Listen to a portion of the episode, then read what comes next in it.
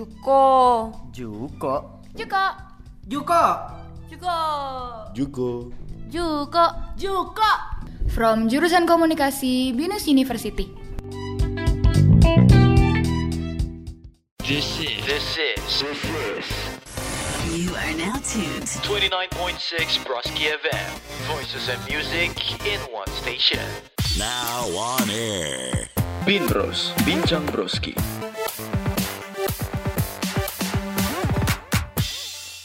Enam Broski FM Voices and Music in One Station. So Broski listeners, welcome to Bin Bros bersama gue Javier Rashad. Yang akan menemani kalian dari jam setengah 12 sampai jam setengah satu nanti Broski listeners. Nah Broski listeners, di siang hari ini ya Gue bakal memberikan kalian insight-insight seputar musik dan juga uh, olahraga ya. Ya di mana dengan lifestyle, karir, dan hobi yang akan kalian dapatkan di episode kali ini Gue berharap kalian bisa mengambil serta menjadikan wawasan Karena dengan adanya dua narsum ini Gue berharap sih kalian bisa mendapatkan wawasan baru bagaimana menjadi musisi Dan juga bagaimana menjadi atlet sebagai karir utama. Yang di mana musisi juga sebagai karir utama Tapi dari kedua ini kita juga bakal memberikan kepada kalian insight-insight how to produce and how to know about Niki Putra dan juga bagaimana pola gaya hidup sehat serta bagaimana aktivitas seorang atlet basket Banten yaitu Fabian Ali. Nah, bro listeners, buat kalian yang lagi di mana-mana sekarang ini nih gue berharap kalian uh, patuhin protokol ya dan juga kalau yang kalian belum vaksin saran gue mending vaksin deh karena vaksin itu sangat kebantu banget buat menangkal COVID-19 pastinya ya. Nah, bro listeners, gue mau cerita sedikit nih. Pas waktu gue wawancara Niki Putra ya, itu gue lagi COVID, bro listeners. Tapi, tapi, tapi gue tidak merasakan sakit apa pun karena aura bro listeners nih ya. Semangat bro listeners nih sudah ada di mana-mana. Jadi itu membuat gue sangat semangat dalam melakukan program ini bro listeners. So bro listeners, gue punya satu hits buat kalian nih ya Buat kalian-kalian yang pengen merasakan syahdu di siang hari ini ya Gue bakal bawain hits kepada kalian tahun 2009 dan 2010 nih Kalau nggak salah ya. Gue makan tinggal ngasih tahu baik Oke okay, bro listeners, this is Kid Everybody's changing.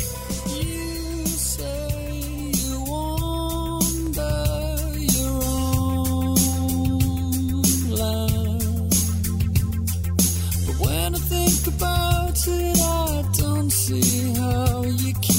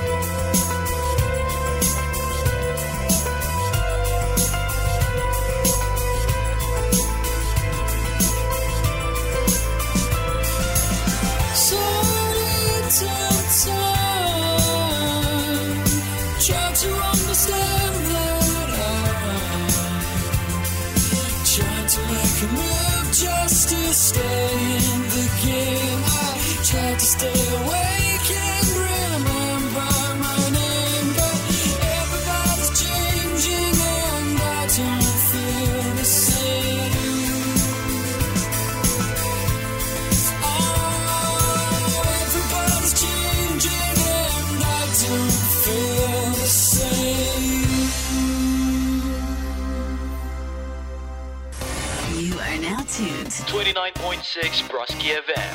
Voices and music in one station. Wuhu, si Rudy udah upload foto aja nih sosmed. Gila. Eh sabar. Ini juga udah pelan kok. Eh santai aja jalan tol ini. Upload foto dulu kali ya biar kagak Eh sabar. Wah upload foto dulu ah. Gitu, Ke jalan Pangeran Antasari Upload Ah Tap Oke. Ah, ah.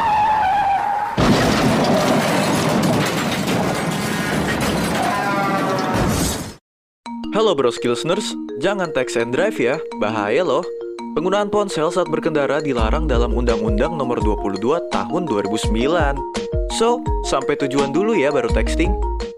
Iklan layanan masyarakat ini dipersembahkan oleh Broski FM, Voices and Music in One Station.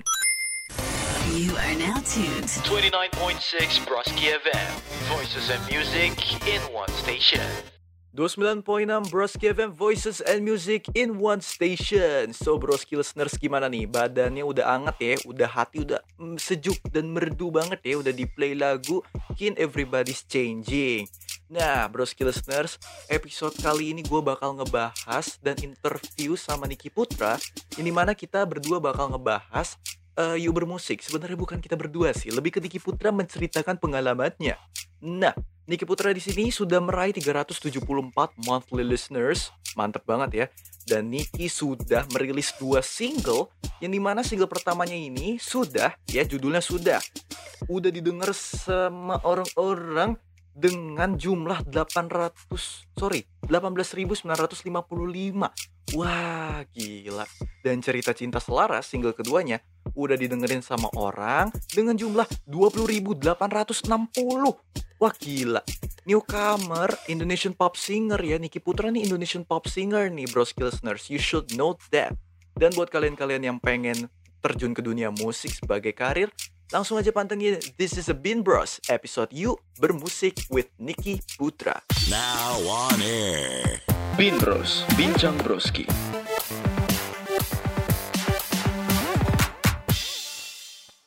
9.6 Broski FM Voices and Music in One Station. Oke, semuanya Broski listeners kali ini gue mau memperkenalkan kepada kalian eh, Niki Putra ya selaku newcomer for ya pastinya ya singer pop singer di Indonesia yang sudah merilis dua single yaitu sudah dan juga cerita cinta selaras so Broski listeners shout out to Niki Putra. Halo Nick. Halo, halo. Apa kabar nih? Eh, gila. Niki, Niki. Gimana nih kabar nih? Baik banget nih, Alhamdulillah nih. Di masa pandemi kayak gini gue masih tetap semangat. Semoga lu juga tetap semangat aja, ya. Wah, siap, siap, siap. Pasti dong, pasti dong. Karena kita mau ngebahas karir nih ya, seputar musik lagi. Pas banget kan gue ngobrolinnya sama lo ya kan? Insya Allah pas. Oke. Gimana jadi lu lagi sibuk apa nih? Nah, kebetulan gue lagi bikin musik aja, Peh. Nah, Hmm. setelah dua, dua rilisan yang udah rilis, akhirnya gue pengen ngerilis lagi nih. Insya Allah bulan ini bisa dirilis kembali Oke, jadi for lagu yang next- baru. lagu baru ya. Yoi. Wah, bisa tease dikit gitu kapan ya? Gak bisa ya? Apa masih on production? Hmm, mungkin 20 Julian lah mungkin ya. 20 Nih, Julian. Yoi, jangan kasih tau Oh. siapa-siapa dulu tapi ya. Wis, aman-aman. Ini mas. Ini mungkin yang yang dengerin juga sekarang nggak cepu-cepu orangnya santai aja. Iya, itu kan emang trik marketing kan kayak gitu. Emang. Jangan kasih tau siapa-siapa ya. Asik gitu. Padahal mah emang udah kesebut gitu ya kan? Mm-mm, emang sengaja aja disebut tapi Guyon, biar guyon. lebih bagus aja. Oke nih. So Nick, eh gue mengenal lu kan sejak SMP ya. Oh ya, Benar. untuk Bros listeners nih mungkin yang baru dengar kali ya. Gue tuh sebenarnya sama Niki tuh memang teman kita nggak pernah sebangku tapi satu sekolah. Kalau teman sebangku kan kayaknya sebangku banget kan ya. Kita teman Mm-mm, satu kita- sekolah, tapi sekelas gitu, teman sekelas ya. Sekelas kelas 2 SMP dan 3 SMP kita sekelas Jat. Nah, jadi kita kel- sekelas dua tahun ya, selama dua tahun gitu kan. Nah, Yoi. dan Niki ini memang berprestasi akan tarik suaranya sejak SMP. Nah, tapi tak tahu nih ya kan backstory before junior high ini nih, lo tuh memang sudah bisa bernyanyi sejak SMP atau saat SD. Nah, itu gimana tuh? The apa ya? Kiat eh kiat kiat apa first step lu untuk menuju dunia tarik suara nih? Kira-kira tuh mulai kapan sih nih? Ya kalau gua tuh mulai nyadar gue bisa nyanyi tuh pas gue SD aja, kelas 4 SD. Jadi ketika ada ulang tahun temen gue di SD, gue tiba-tiba disuruh nyanyi sama guru gua gitu loh. Oke, heeh. Iya, terus gue nyanyi di depan kelas ya kan. Mm. Eh, totonya setelah nyanyi itu gue dapat applause yang sangat bagus gitu loh kayak, weh keren banget gitu. Wah. Dari teman dari teman-teman terus gue langsung pulang, gue mikir kayak, ih jadi penyanyi kayak seru ya habis nyanyi ditepokin gitu Mm. dikasih applause yang bagus gitu. Akhirnya gue coba-coba deh tuh nyanyi. Eh, Mm. alhamdulillah beneran gue bisa nyanyi ternyata. Suara gue lumayan bernada lah gitu. Maksudnya nggak false, nggak apa. Jadi lumayan gue suka nyanyi-nyanyi kayak karaoke di YouTube segala. Eh, bukan di YouTube ya dulu ya. Maksudnya ikut-ikut nyokap gue karaoke dulu Mm. sama keluarga segala macem. Terus Oke. Iya, terus akhirnya pas gue masuk SMP di HI, gue itu mulai dikenal penyanyi itu setelah gue ada kelas musik kalau nggak salah kalau nggak salah sama Pak Lukman. Oh iya, buat yang nggak kenal Iya. Pak Lukman ya, itu guru musik kita tuh. Itu guru musik harapan ibu SMP. Bener banget. Jadi kelas 1 gue di apa sama Pak Lukman gue tuh bisa nyanyi gitu. Mhm. Akhirnya gue mulai tekunin tuh di situ dan alhamdulillahnya juga di mana eh, environment kita di HI kan juga banyak juga kan yang bisa main musik kayak teman-teman kita gitu ada yang bisa main drum, ada yang bisa main gitar segala macam. Jadi gue juga terdorong gitu untuk ikut-ikut mereka ngeband pada saat dulu. Mhm. Oh, Udah pada saat itu akhirnya gue udah tekunin banget yang namanya musik, gue udah mulai nyanyi-nyanyi, akhirnya gue ikut lomba dan alhamdulillah menang. mhm. Dua tahun tuh berturut-turut tuh jadi Oh, dua SN ya bangga. waktu itu ya? Iya, dua Oh, SN dua tahun berturut-turut Jakarta Selatan ya kan. Hmm, mantep. Iya, mantep akhirnya.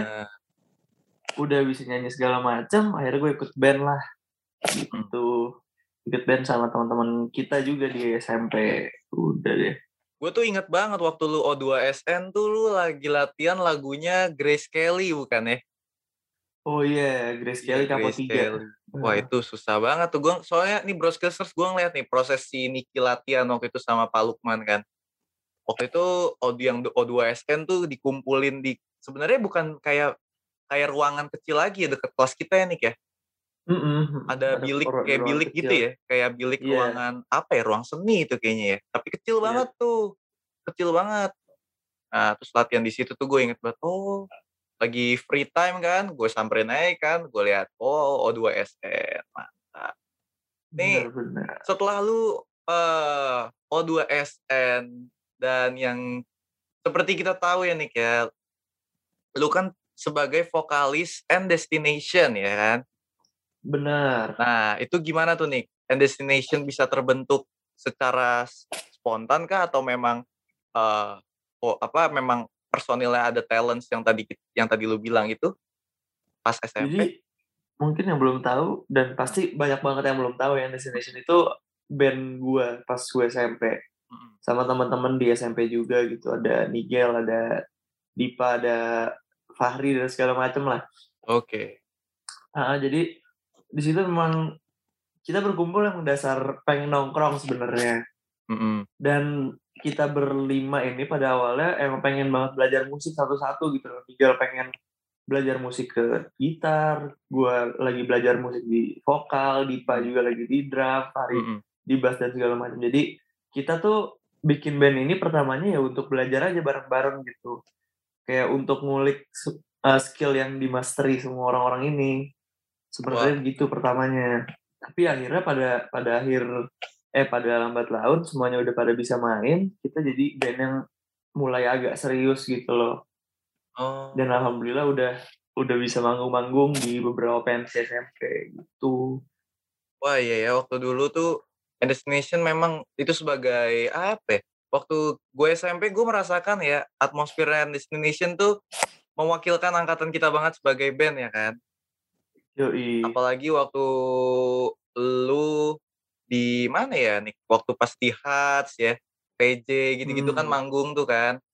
yoi Kebetulan gue juga additional saat itu ngisi mantap sekali ngisi rap rapnya Holy Grail ya Ber- kan.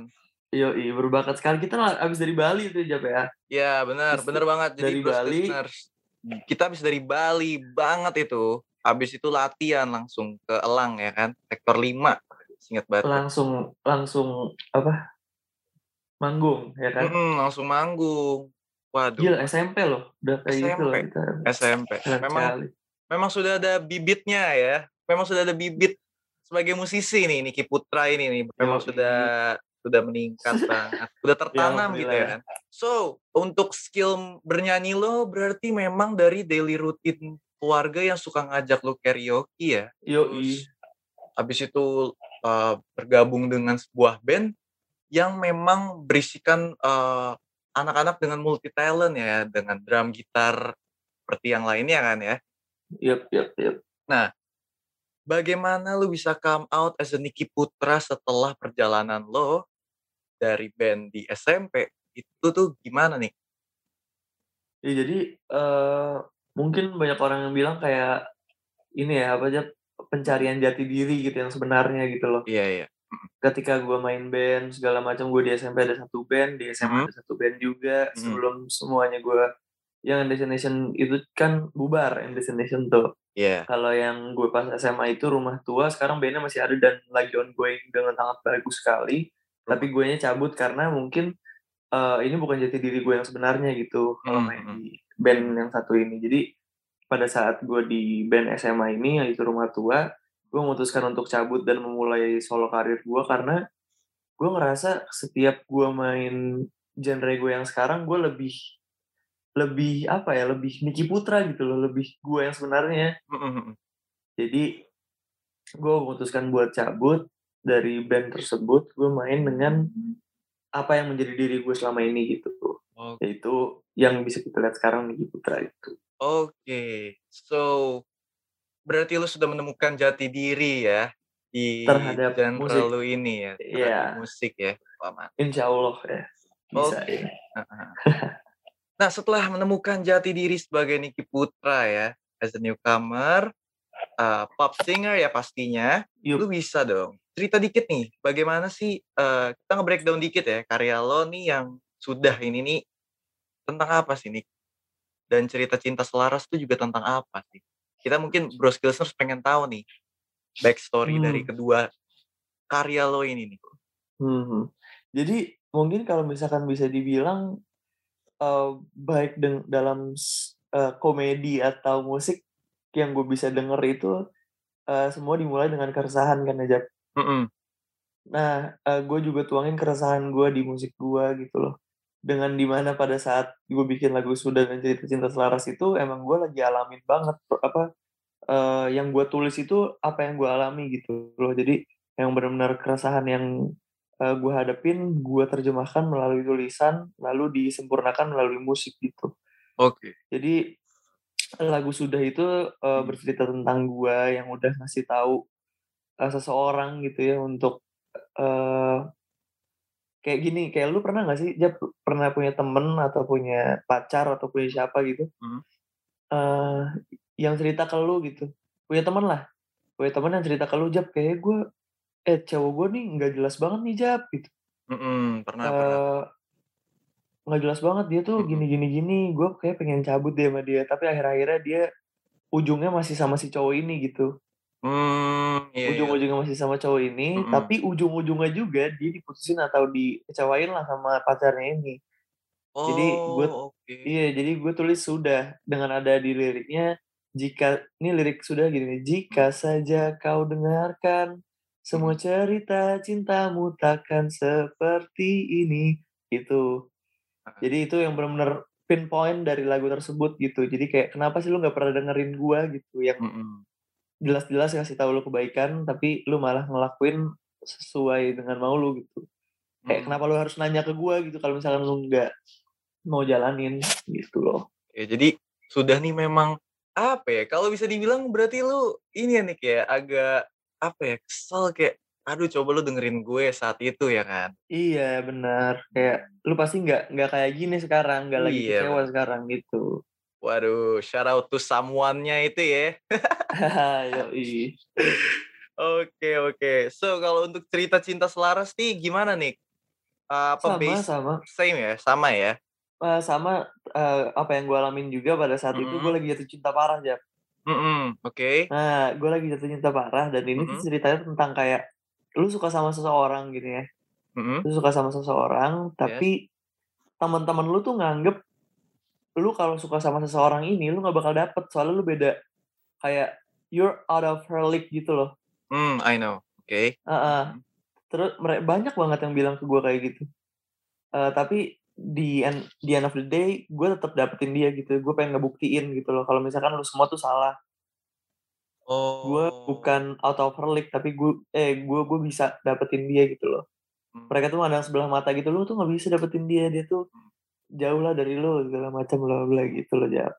Wah. jadi ini lagu ini adalah tentang pembuktian kalau misalkan gue tuh bisa dapetin seseorang ini gitu Jadi lebih ke payment ya. Hmm, Yoi. bayar omongan-omongan yang mungkin di sekitar lo tuh tidak mendukung ya kan. iya iya benar Oke. So, Bros Listeners, begitulah cerita breakdown karyanya Niki ya. So, gue pengen kalian langsung langsung lah setelah mendengarkan Broski bincang Broski ini langsunglah ke Spotify, langsung search sudah dan cerita cinta selaras by Niki Putra ya. benar Kayak- sekali Nah, Javier Lagunya enak sekali banget Bros Listeners. So, langsung aja ya. Nah. Oke, lu sudah melewati beberapa fase yang di mana lo membentuk sebuah eh, jati diri ya kan, dan lo Hmm. merilis dua single. Dan mungkin yang Yap. gue lihat kemarin lu udah datang ke session apa ya yang waktu lo nyanyi di depan orang-orang tuh apa? itu gue bikin intimate showcase Intimate showcase, and then Yap. many many things ahead ya. So Yap, gimana yap. sih Nick eh, cara memulai awal untuk memproduksi sebuah karya musik nih kan karena eh, berhubung dengan tema kita You bermusik. Mungkin broski listeners yang ada di rumah maupun di mana pun berada pasti udah punya skill bermusik nih tapi don't know how to do it don't know how to produce or when to produce itu kira-kira ada nggak sih Nick tips-tips dari lo how to ya start mungkin all of this. kalau misalkan pertanyaan adalah how to start Mm-mm. gue ngerasain banyak banget nih di sekeliling kita atau di sekeliling ya teman-teman kita lah yang punya talenta akan eh, bermusik gitu ya Mm-mm. kayak eh, tapi mereka nggak tahu cara keluarinnya sebenarnya itu bukan nggak tahu cara keluarinnya tapi berani apa enggak buat ngeluarin karya yang dia buat gitu loh Jap. Oke. karena eh, menurut gue hal paling pertama yang mau yang harus dilakukan ketika mau mulai eh, musik sebagai karir lo adalah keluarin aja dulu gitu loh Oke. kayak lu punya satu satu lagu nih yang udah lu buat segala macam. Lu udah punya satu lagu tapi lu nggak berani keluarin karena banyak banget di pikiran lu aduh ntar gimana kalau misalkan gak sesuai ekspek- ekspektasi sama semua orang gitu. Kalau nggak gimana kalau misalkan lagunya nggak laku bla bla bla bla bla lah Oke. yang ada di otak lu. Tapi menurut gue itu harus dirilis dari otak lu harus dikeluarin dari otak lu dan lu rilis aja dulu. Rilis musiknya aja dulu.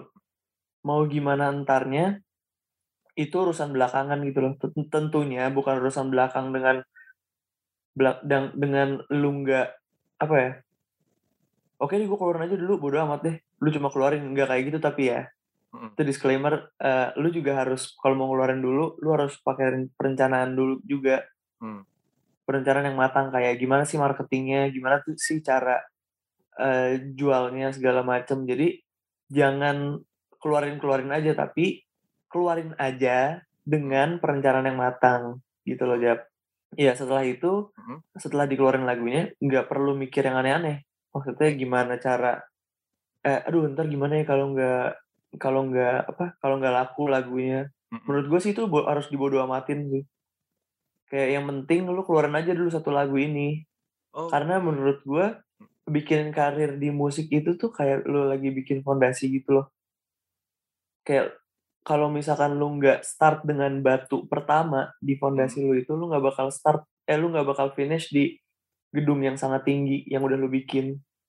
ah, Jadi ketika lu bik, lu ada batu pertama yang lu letakin, itu tuh jadi tanggung jawab buat lu untuk naruh batu-batu selanjutnya hmm, untuk bisa mhm. eh apa yang lu bikin nih fondasinya tuh jadi sampai benar-benar jadi gedung gitu loh Mhm. Gitu. Jadi eh, lagu pertama itu adalah tanggung jawab bagi lu untuk semua orang-orang yang dengerin lu gitu.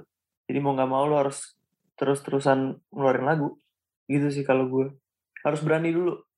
So, jadi tadi lu bilang keluarin aja dulu dengan segala planning berarti lebih ke keluarin aja dulu with a style ya, bukan keluarin aja dulu Yoi. tok gitu ya berarti Yap, ya. yap, yap, benar, benar, benar, benar. Dengan segala perencanaan, marketing, and all of it. So, Broski listeners, kalau lu punya karya, keluarin aja dulu with a style. Jangan With keluarin aja, style. iya, jangan keluarin aja tok gitu berarti ya Nick ya. Mm-mm. Lu ada gak sih pesan-pesan buat seluruh newcomer ya, singer newcomer yang ada di Indonesia nih? Ada nggak kira-kira pesan-pesan untuk mereka? Oh, untuk newcomer yang pasti gue apa ya? Ya, pokoknya yang paling penting sih itu sih kayak orang-orang yang punya talent di Hmm, bidang musik harus benar-benar berani untuk ngeluarin lagu-lagunya mhm, biar ya industrinya makin rame, industrinya makin besar gitu loh. Iya. Jadi saling membahu membahu gitu dengan komunitas-komunitas musik yang ada di sini. mhm. Jadi kita semua juga bisa naik ke gunung yang sama pada akhirnya saling bahu membahu gitu loh apa se- sesama newcomer gitu loh Jap. Kalau dari gue sih gitu ya. Oke, so berikut pesan-pesannya ya, Burst listeners dan dan seluruh newcomer yang ada di Indonesia. Nick, what is your next move for the next five years? Mungkin lima tahun dulu kali ya. Lo for the next five years lo ada ada planning nggak sih? What are you going to do? What Iya, will gua- you do after this pandemic? Hmm, gue pastinya bakal terus-terusan bikin musik dan gue tuh lagi ini Jap lagi seneng main TikTok tau gak sih lo? Oh, iya iya. iya. Ah, gue Ah, lagi suka good, main TikTok tapi ah. eh ini gue main TikTok tuh alter ego gue. Jadi tuh iya, gue iya, di iya. situ tuh gue nggak bermain musik tapi gue tuh kayak ngelucu gitu loh. Ah, nice, Ah. nice. Karena kalau misalkan lu ya. lihat Iya, kalau misalkan gue di Heeh. Instagram dan di TikTok tuh lu ngeliat Hmm. gue beda banget. Kalau Iya, di iya. TikTok tuh gue all out untuk berkomedi gitu. Kalau di Instagram tuh untuk musik gue. Jadi kayak TikTok ini eh, lagi jadi apa Keren banget sih. keren banget dan gue juga ngejadiin TikTok ini sebagai ya itu my alter ego Iya. yaitu berkomedi. My other side Tapi- ya, other side Yoi. Putra. Yap, yap. Oke. Dan- Mungkin next five years Heeh. ya gue tetap ngelakuin apa yang sudah seharusnya musisi lakukan yaitu bikin lagu, manggung dan segala macam dan semoga uh, pandemi ini berakhir terus bisa manggung-manggung lagi di mana-mana karena amin, pasti. amin amin ya karena Hmm. gue juga setelah ngeluarin lagu belum banyak banget panggung yang bisa gue hadirin dengan penonton gitu loh. Selalu dengan virtual selalu dengan uh, ya tidak ada penonton segala macam. Kalau ada penonton juga maksudnya nggak bisa terlalu rame gitu kan. Gue pengen ngerasain sen apa sensasi di mana lo nyiptain lagu di kamar terus lu bawain di panggung dan orang-orang yang dia di lagi nonton kita tuh nyanyiin lagu kita tuh gue pengen dapetin itu. Lu pengen dapet vibes itu banget ya, Nick ya? yoi. Will be ya, it will not be a forever thing lah. Pasti ini akan semua selesai, ya kan? yoi Pasti semua musisi itu juga sudah sudah apa ya? Sudah sangat bersemangat untuk kembali ke arenanya, ya kan? next five years targetnya konser di Istora Jok. Amin. Iya Niki Putra, on Istora stage ya. Amin. Note amin. that, note that broski listeners ya. Pokoknya siapin tiket, siapin duit, siapin duit dulu baru siapin tiket ya. Siap, siap, siap. Gratis, gratis buat anak yatim. Aduh. Waduh. Nih ah, bahaya nih kalau dark dark gini nih ya. Ya bener, saya kan pengen memajukan kaum saya. Oh aduh aduh. Eh tapi Iya. serius nih, lu free tickets for yatim ya? Iya. Oke. Buat seribu anak yatim pertama. One- aduh aduh, aduh. 1000 yatim teenagers ya. Iya, iya, iya. Oke, tuh. Ya, so pantengin terus broski listeners ya. Pantengin info-info lima tahun ke depan ya. Niki Putra on stage Istora 1000 Amin. free tickets for yatim teenagers. Yep. Teenagers loh ya, teenagers. Lu kalau yang anak Iya, kecil jangan ya bawa yang anak-anak ntar dulu ya. Iya, yang anak-anak ntar dulu. Ntar dulu. Itu mungkin untuk 20 years plan lagi ya. Iya, mungkin. Jadi eh, kalau lima tahun seribu, kalau 10 tahun ke depan gue pengen di Gelora Bung Karno sepuluh ribu anak yatim. gratis. Amin, amin. Iya. 10.000 anak yatim. Oke. Iya. So semua yayasan persiapkan ya. persiapkan Ayo. your your teenagers and kids. Yep. Oke Nick, thank you banget ya udah bincang-bincang. Sumpah thank you banget. Semoga Iya, apa pun yang lu lakukan untuk permusikan Indonesia dapat memberikan efek yang baik untuk seluruh masyarakat di Indonesia tentunya ya, Amin, ya. amin, amin. Semoga bisa menghibur. Amin. So bro listeners, thank you banget yang udah dengerin interview gue bersama Niki Putra. I'll be right back after these messages. You are now tuned 29.6 Broski FM. Voices and music in one station. This is Travel. Traffic info. Hello broski listeners, welcome to Travel Traffic Info. Jalanan arah Sleepy Palmerah terpantau lancar. Ruas jalanan Bundaran HI ramai lancar. Jalanan Cipinang Jakarta Timur terpantau padat. Akses tol Jakarta Tanggerang terpantau padat diakibatkan kecelakaan truk bermuatan. Sekian Trafo update hari ini. Kembali lagi ke Bin Bros Bincang Broski. You are now tuned 29.6 Broski FM.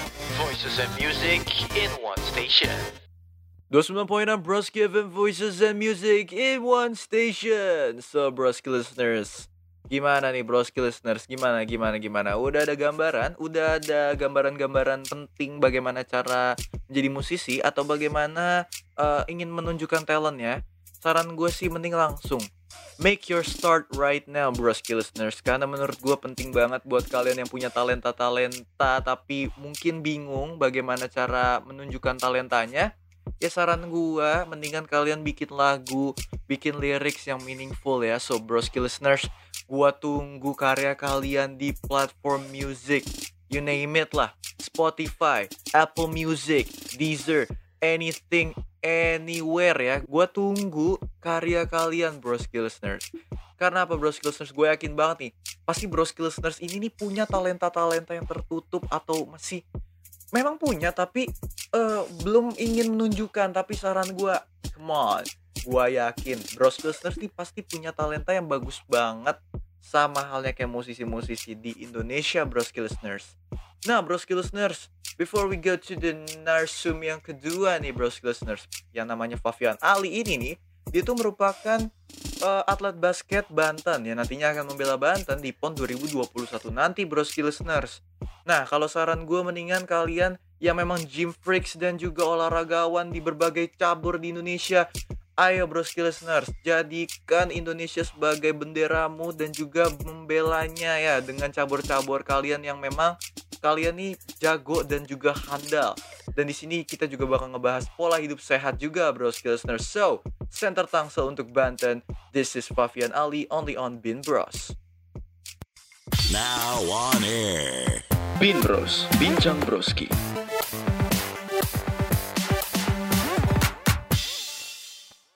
Dua enam Broski FM Voices and Music in One Station. So Broski listeners kali ini kita sudah memasuki segmen selanjutnya yang di mana gue berbincang-bincang seputar gaya hidup sehat dan juga karir sebagai atlet basket nih buat Broski listeners ya. Dengan judul Center Tangsel untuk Banten, please welcome Fabian Ali selaku atlet basket Banten.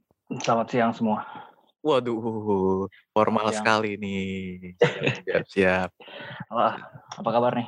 Baik, baik, baik. Pergangan otot aja bro, Ya. santai. Biasa. Baik, baik, baik. Gimana Lu nih? Gimana nih? Eh, gua yang nanya apa lu yang nanya nih? Lu dong, kan lu. Ini kan acara lu. Oh iya dong. Gimana nih kabarnya nih Mas atlet basket ini nih? Gimana nih Yan? Kabarnya Yan? Sehat, sehat. Alhamdulillah. Alhamdulillah sehat Alhamdulillah banget ya. Alhamdulillah banget ya. banget cuy, parah. Gue mau nanya dong, lu gimana nih sekarang keseharian-keseharian gitu? Maksudnya kesibukan lu nih kan kita lagi PPKM darurat kan? Terus Iya. nggak PPKM darurat sih ya, kita PPKM level 4 nih kan Level, kebetulan. sekarang level cuy. Iya, sekarang udah level 4 nih ya kan PPKM-nya nih. Kesibukan lu apa nih Enggak. sekarang nih? Latihan ya, buat persiapan PON kan. Tapi kemarin Hmm. sempat off, sempat off juga Hmm, waktu PPKM yang minggu awal tuh, hmm. yang pertama kali itu kan libur semua. Jadi Iya, iya. nggak ada latihan, nggak ada latihan. Tapi sekarang udah mulai lagi sih latihan. Oke, itu latihan itu latihan eh, ke lapangan atau memang dirumahkan latihannya? Kalau sekarang udah latihan lapangan. Oh, udah latihan lapangan lagi ya, Ya. karena udah Ya, udah mepet banget nih ya. iya udah berapa bulan lagi. Hmm, Soalnya kemarin itu dua minggu dua minggu ppkm pertama sempat latihan di rumah, Oke, latihan mandiri. Cuman nanti tapi dikasih materinya sama coaches gua. oke sama coach, siap. Ngomongin soal basket ya kan? Iya. Lu tuh berawal tuh dari kapan sih basket tuh? Lu memutuskan untuk, oh gue suka basket, gue akan mendalami basket dan sampai di titik ini lu sadar kalau lu akan membela Banten nantinya. Gimana itu awalnya? Awalnya itu SMA ya, SMA kelas 2. Gue tuh dulu kan main futsal ya, main bola ya Hmm, dulu. hmm, hmm. Cuman teman sebangku gua tuh anak basket dulu di SMP. Oke. Nah, dia ngajak gua main lah, gue diajarin bla bla bla bla. Hmm. Setelah gue lulus SMA itu, gua mulai main-main sendiri tuh. Main-main Oke. di perumahan inilah, main di Mm-mm. main di Jakarta, main di Tangsel. Hmm, oke, heeh. Nah, terus gua diajak ikut turnamen Buzzer Cup sama Mhm. salah satu klub salah satu klub di Tangsel Mhm. buat main di buat main di divisinya, tim divisi, divisi 2 Tang- Tangerang Selatan gitu lah. Oke, heeh. Nah, awal mulanya dari situ gua eh, dilihat lah sama kayak semacam Scott talent gitu lah yang cari nyari-nyari bakat. Ya, akhirnya gua itu per- untuk buat pertama kalinya gua ikut seleksi buat Porprov. Nah, Porprov itu bukan olahraga provinsi, gua ngewakilin kota Tangerang Selatan. Oh, oke, heeh, heeh. Di Porprov itu Hmm. gua udah mulai latihan, Hmm. dapat peringkat dapat peringkat tiga perunggu lah perunggu Oh, jatuhnya Oke, perunggu, perunggu. heeh. perunggu oke setelah berapa bulan atau setahun lah setahun dari Porprov itu Ya. gue dipanggil lagi Hmm, oke. perwaki- heeh. perwakilan Tangerang Selatan buat Mhm. bela prapon prapon Banten prakualifikasi pon jadi untuk Oh, pon itu kan kualifikasi. Ya, ya. ya. pon Oke. pon itu kan cuman pon itu kan cuma 10 10 provinsi kan Oh, oh, PON itu cuma 10 provinsi doang ya yang main ya? Pon 10 provinsi Oh, oke. heeh, heeh. Terus? Nah, akhirnya, gue ikut prapon seleksi tuh dari dari semua dari kota Tangerang Selatan, kota Tangerang, Kabupaten Tangerang, kota Serang semuanya Mhm. kepilih juga, alhamdulillah. Oh. Akhirnya udah gue prapon, prapon itu 2019, ya, set, alhamdulillah lolos. Mhm. Jadi dari prapon Banten di Pon Banten sekarang, Challenging banget ya saat itu ya. banget. Sebenarnya kalau bisa dibilang dari teman sebangku ya yang Iya. ngajakin terus iseng-iseng main ke komplek-komplek gitu ya. Jadi alhamdulillah banget ada yang ini nih ada yang notice banget lu ya kan akhirnya ditarik ke ini ya Porprov itu ya. Iya ada. Hmm, hmm, hmm. Mantep banget sih, mantep banget sih. Gokil, gokil. Kalau ngomongin soal basket ya, lu kan sudah memulai sejak SMA kan. Terus lu ber- lu ber- lu bersambung ke Porprov, habis itu lu nyambung lagi ke permainan Fun Games Club dan hingga akhirnya Prapon sampai akhirnya lu membela Banten di PON nih. pasti Iya. kan tadi lu dan lu kan udah spill-spill dikit tuh kan, gimana latihannya dan gimana porsi-porsi lu sebagai atlet. Nah, kira-kira gimana sih keseharian lu tuh buat mempertahankan pola gaya hidup sehat lu? Kayak misalkan ya for example lu Senin sampai Jumat paginya ngapain, siang tuh harus apa, apa yang dikonsumsi tuh kira-kira gimana tuh? Kita mulai dari ini aja ya. Dari tahun dari tahun inilah ya. Oke, siap. Tahun ini aja nggak apa-apa. Kan mulai Januari tuh gue porsi latihannya nambah.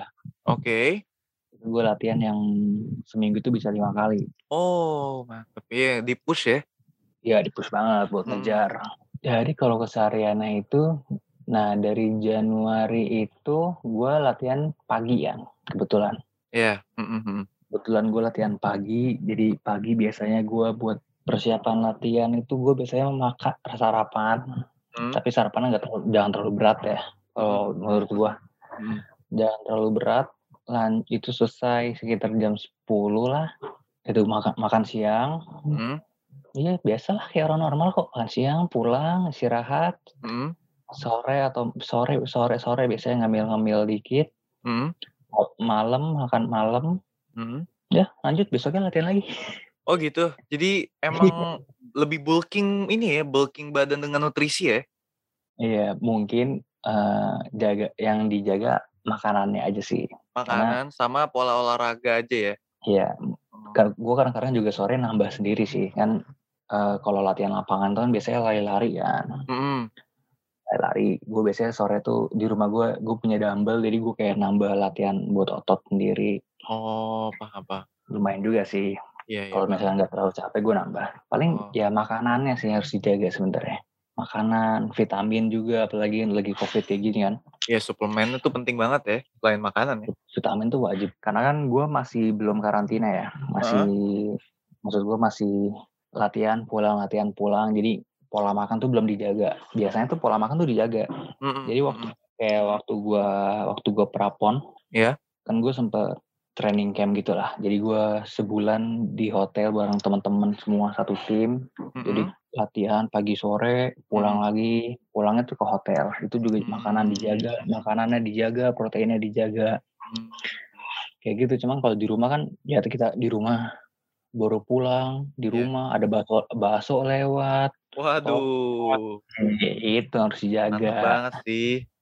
kalau buat hidup gitu paling enggak makan sama pola pola tidur juga penting sebenarnya. Pola tidur ya, under jam 10 nggak sih ya, yang better ya? pola tidur itu penting. Ya at least kalau misalkan biasanya ya anak-anak kuliah kan hobinya begadang jadi kebiasaan kan Nah, ya. bener banget, setuju. at least tidur at least tuh lu kualitas tidurnya tuh cukup 7 jam lah paling enggak sih 7 jam ya. 7 jam kalau gua. Nah, tuh di note banget tuh ya broski listeners 7 jam nih pesannya dari Ian nih. kalau bisa makan malam lah itu makan ma- biasa program-program diet pasti kan makan malam dikurangin dong Iya ya. benar, benar. Benar banget. ya pokoknya jaga makan lah Oh. kalau gue tuh kalau gue tuh biasanya kalau misalnya lagi jaga makan ya Iya. antara gue makan makannya tiga kali tapi porsinya porsi normal Hmm. porsi gua gitu Iya, heeh. atau gue biasanya kalau misalkan gua kalau gue lagi latihan latihan tambahan atau kayak Mm-mm. kan gue eh, ada member gym juga kan di Oke. Pamulang. Heeh. Nah, biasanya gue habis latihan, gue makan. Pagi selesai latihan pagi, Hmm. siang tuh gue makan, makan makan dikit aja, makan dikit, mm. makan dikit, latihan lagi, nge-gym, makan dikit lagi. Jadi makannya banyak, berkali-kali tapi por- porsinya dikit. Oke, siap, siap. Broski listeners nih pengen tahu banget nih Yan. Mungkin mungkin aja yang dengerin kita pasti ada talenta atau mungkin hidden talent dia di cabur lain ya selain basket. Kira-kira lu ada nggak sih tips-tips gimana sih untuk berkarir sebagai atlet gitu? Di yang dimulai mungkin dari dini atau baru mau mulai sekarang itu ada nggak sih tips-tipsnya? Dari zaman muda ya. Iya, zaman muda nih, mumpung masih ini nih, mumpung masih seger-seger banget nih, umur belasan. Cabur. Iya Mm-mm. sih. Mm-mm. Cabur untuk semua cabur sih jatuhnya ya. Iya. Ya, se- sebenarnya itu jadi atlet tuh emang harus dilatih dari awal sih sebenarnya. Dibilang dari kecil Iya. enggak ya? Dari kecil kan biasanya anak-anak kecil kan masih nyari kan mau olahraga apa olahraga apa Iya, olahraga benar, apa. benar. Heeh. ya kalau misalkan emang udah nemu satu olahraga yang lu udah pengen mateng banget nih kayak Hmm. gua dulu kan gue SMA ya kayak gue waktu tadi kan gue bilang kan gue dulu awalnya Iya. main futsal main Futsal, bola heeh. Tapi tiba-tiba ngeklopnya tiba-tiba malah di basket nih Mm-mm. ya kan sebenarnya ya lu harus lu harus komit juga sama diri lu kayak lu latihan terus latihan sendiri Mm-mm. ekstra tambahan ekstra itu un- Mm-mm. unseen how unseen hours lah namanya Oke. yang nggak kelihatan latihan yang nggak kelihatan tuh yang paling dibutuhin sebenarnya jangan takut lah main-main gitu apalagi kalau misalkan lu main di tempat umum ketemu Iya. yang lebih ketemu yang lebih dewasa kan Mm-mm. lebih pengalaman Mm. ya itu lu cari ilmu di situ lah cari Oke. ilmu di situ tanya-tanya jangan malu jangan takut Mm. atau kalau emang lu udah ikut dari klub lu lu punya pelatih Iya. jalanin terus Mm. percaya sama percaya sama pelatih lu ada kesempatan seleksi atau apa Mm. ikut aja ikut main jangan grogi main lepas aja Mm. keluarin apa yang lu punya Mm. Sama yang pasti yang paling susah sih yaitu komitmen Komitmen ya. komitmen semua atlet pasti punya rasa jenuh lah pasti Oke. ada bukan atlet doang semua yang bekerja itu pasti ada rasa jenuhnya Heeh. gimana ngelawan rasa jenuh itu gimana cara lawannya Mm-mm. ya lu harus ingat dari awal Mm.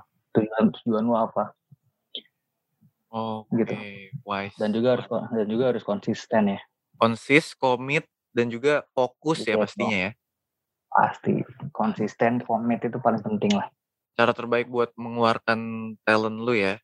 Apalagi udah punya kalau udah punya talent tinggal komit sama konsisten aja pasti ya. Yan. Iya. So, broski listeners, yang penting tuh apa ya? Hard works, hard works, komit sama konsisten buat kalian-kalian yang mungkin punya talent di berbagai cabur atau basket juga. Mungkin itu bisa diikutin banget ya. Yang penting tuh percaya diri sama keluarin apa yang lu punya misalkan di saat-saat permainan yang fun game gitu-gitu ya, Yan ya. ya iya Oke, iya sih bener sih ya. Karena kita nggak akan tahu ya rezeki itu datangnya dari mana ya kan. betul nggak akan tahu Nggak akan tahu. Heeh. nggak tahu masa masa ya rezeki rezeki gue ya mulai dari lapangan pinggir jalan Iya, iya sih, setuju banget sih. ya Started from the bottom banget sih pasti. Bener bener bener bener ya. Oke Yan, oke deh Yan, thank you banget ya udah bincang-bincang bareng gua nih. sama-sama sama-sama gue juga makasih Thank udah you, thank you banget. kesempatan Mm-mm, thank you banget, lancar-lancar terus pon lu ya. Semoga Amin, dengan amin. membela Banten ini uh, good things come for you ya after the pon atau mungkin kapan pun itu. Semoga yang terbaik buat lu men. Thank you banget ya. amin amin amin, amin. thank you ya Okay, so broski listeners, don't go anywhere. We'll be right back after these messages.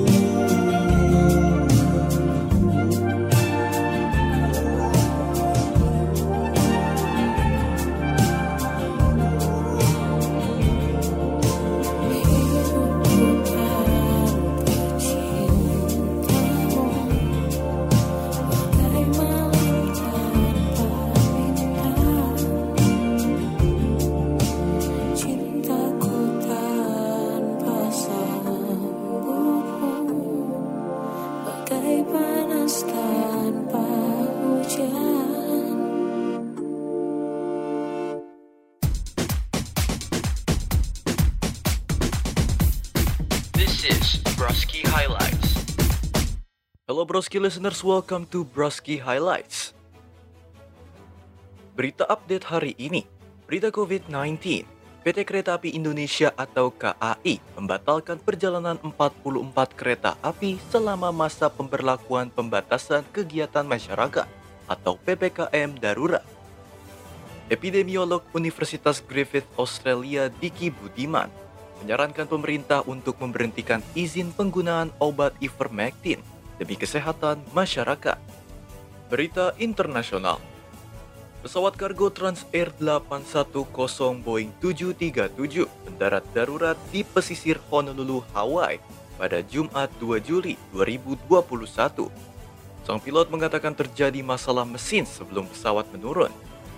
Sekian Broski Highlights hari ini. Kembali lagi ke Bin Bros Bincang Broski. You are now tuned 29.6 Broski FM. Voices and music in one station. 29.6 Broski FM Voices and Music in one station. So Broski listeners gimana nih yang olahragawan dan juga gym freaks? Gimana kalian sudah mendapatkan gambaran penting? Bagaimana kalian ingin memulai karir sebagai atlet dan juga bagaimana ingin memulai gaya hidup sehat sebagai atlet? Gue cungin jempol kalau misalkan kalian sudah memulai aktivitas yang berhubungan dengan olahraga ya. Dan jangan lupa buat tag kita di sosial media Instagram dan juga Twitter seputar aktivitas kalian yang udah dengerin narsum kedua seputar olahraga dan juga atlet nih broski listeners ya. Dari Sentul untuk Banten ini gue udah bisa ngambil bahwa kalian nih pengen nih sebenarnya buat memulai karir sebagai atlet dan juga ingin mempunyai gaya hidup sehat ya.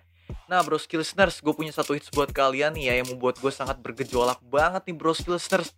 Ini lagu lama tapi sangat klasik dan juga dicintai semua orang. Langsung aja di Club 80s Gejolak Kaula Muda. Kau yang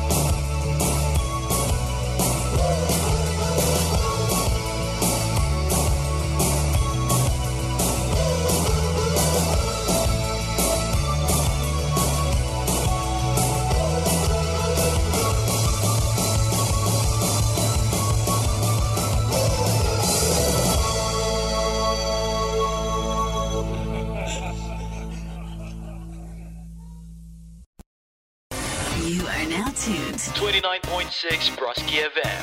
Voices and music in one station.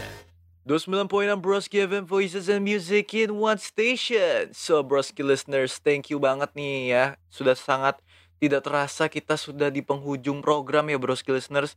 Dari yang gue temenin dari jam setengah 12 sampai jam setengah 1 nanti Sayangnya kita harus berpisah. Tapi jangan khawatir Karena besok gue akan ada lagi Besoknya pasti ada lagi Besoknya pasti ada lagi Karena Bin Bros akan menemani kalian di siang hari dari jam setengah 12 sampai jam setengah 1 nanti dan juga di Senin sampai Jumat. Jadi santai ya.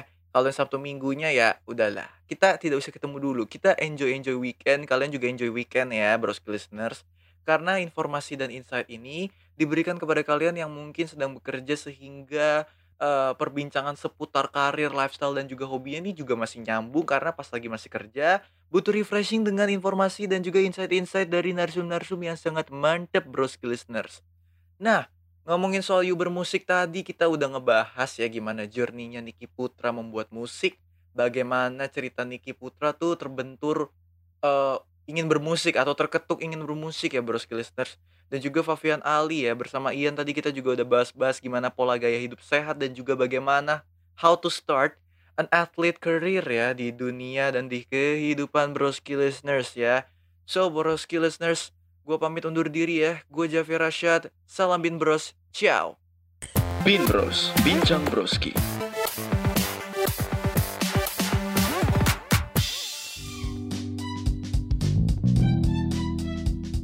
From jurusan komunikasi Binus University.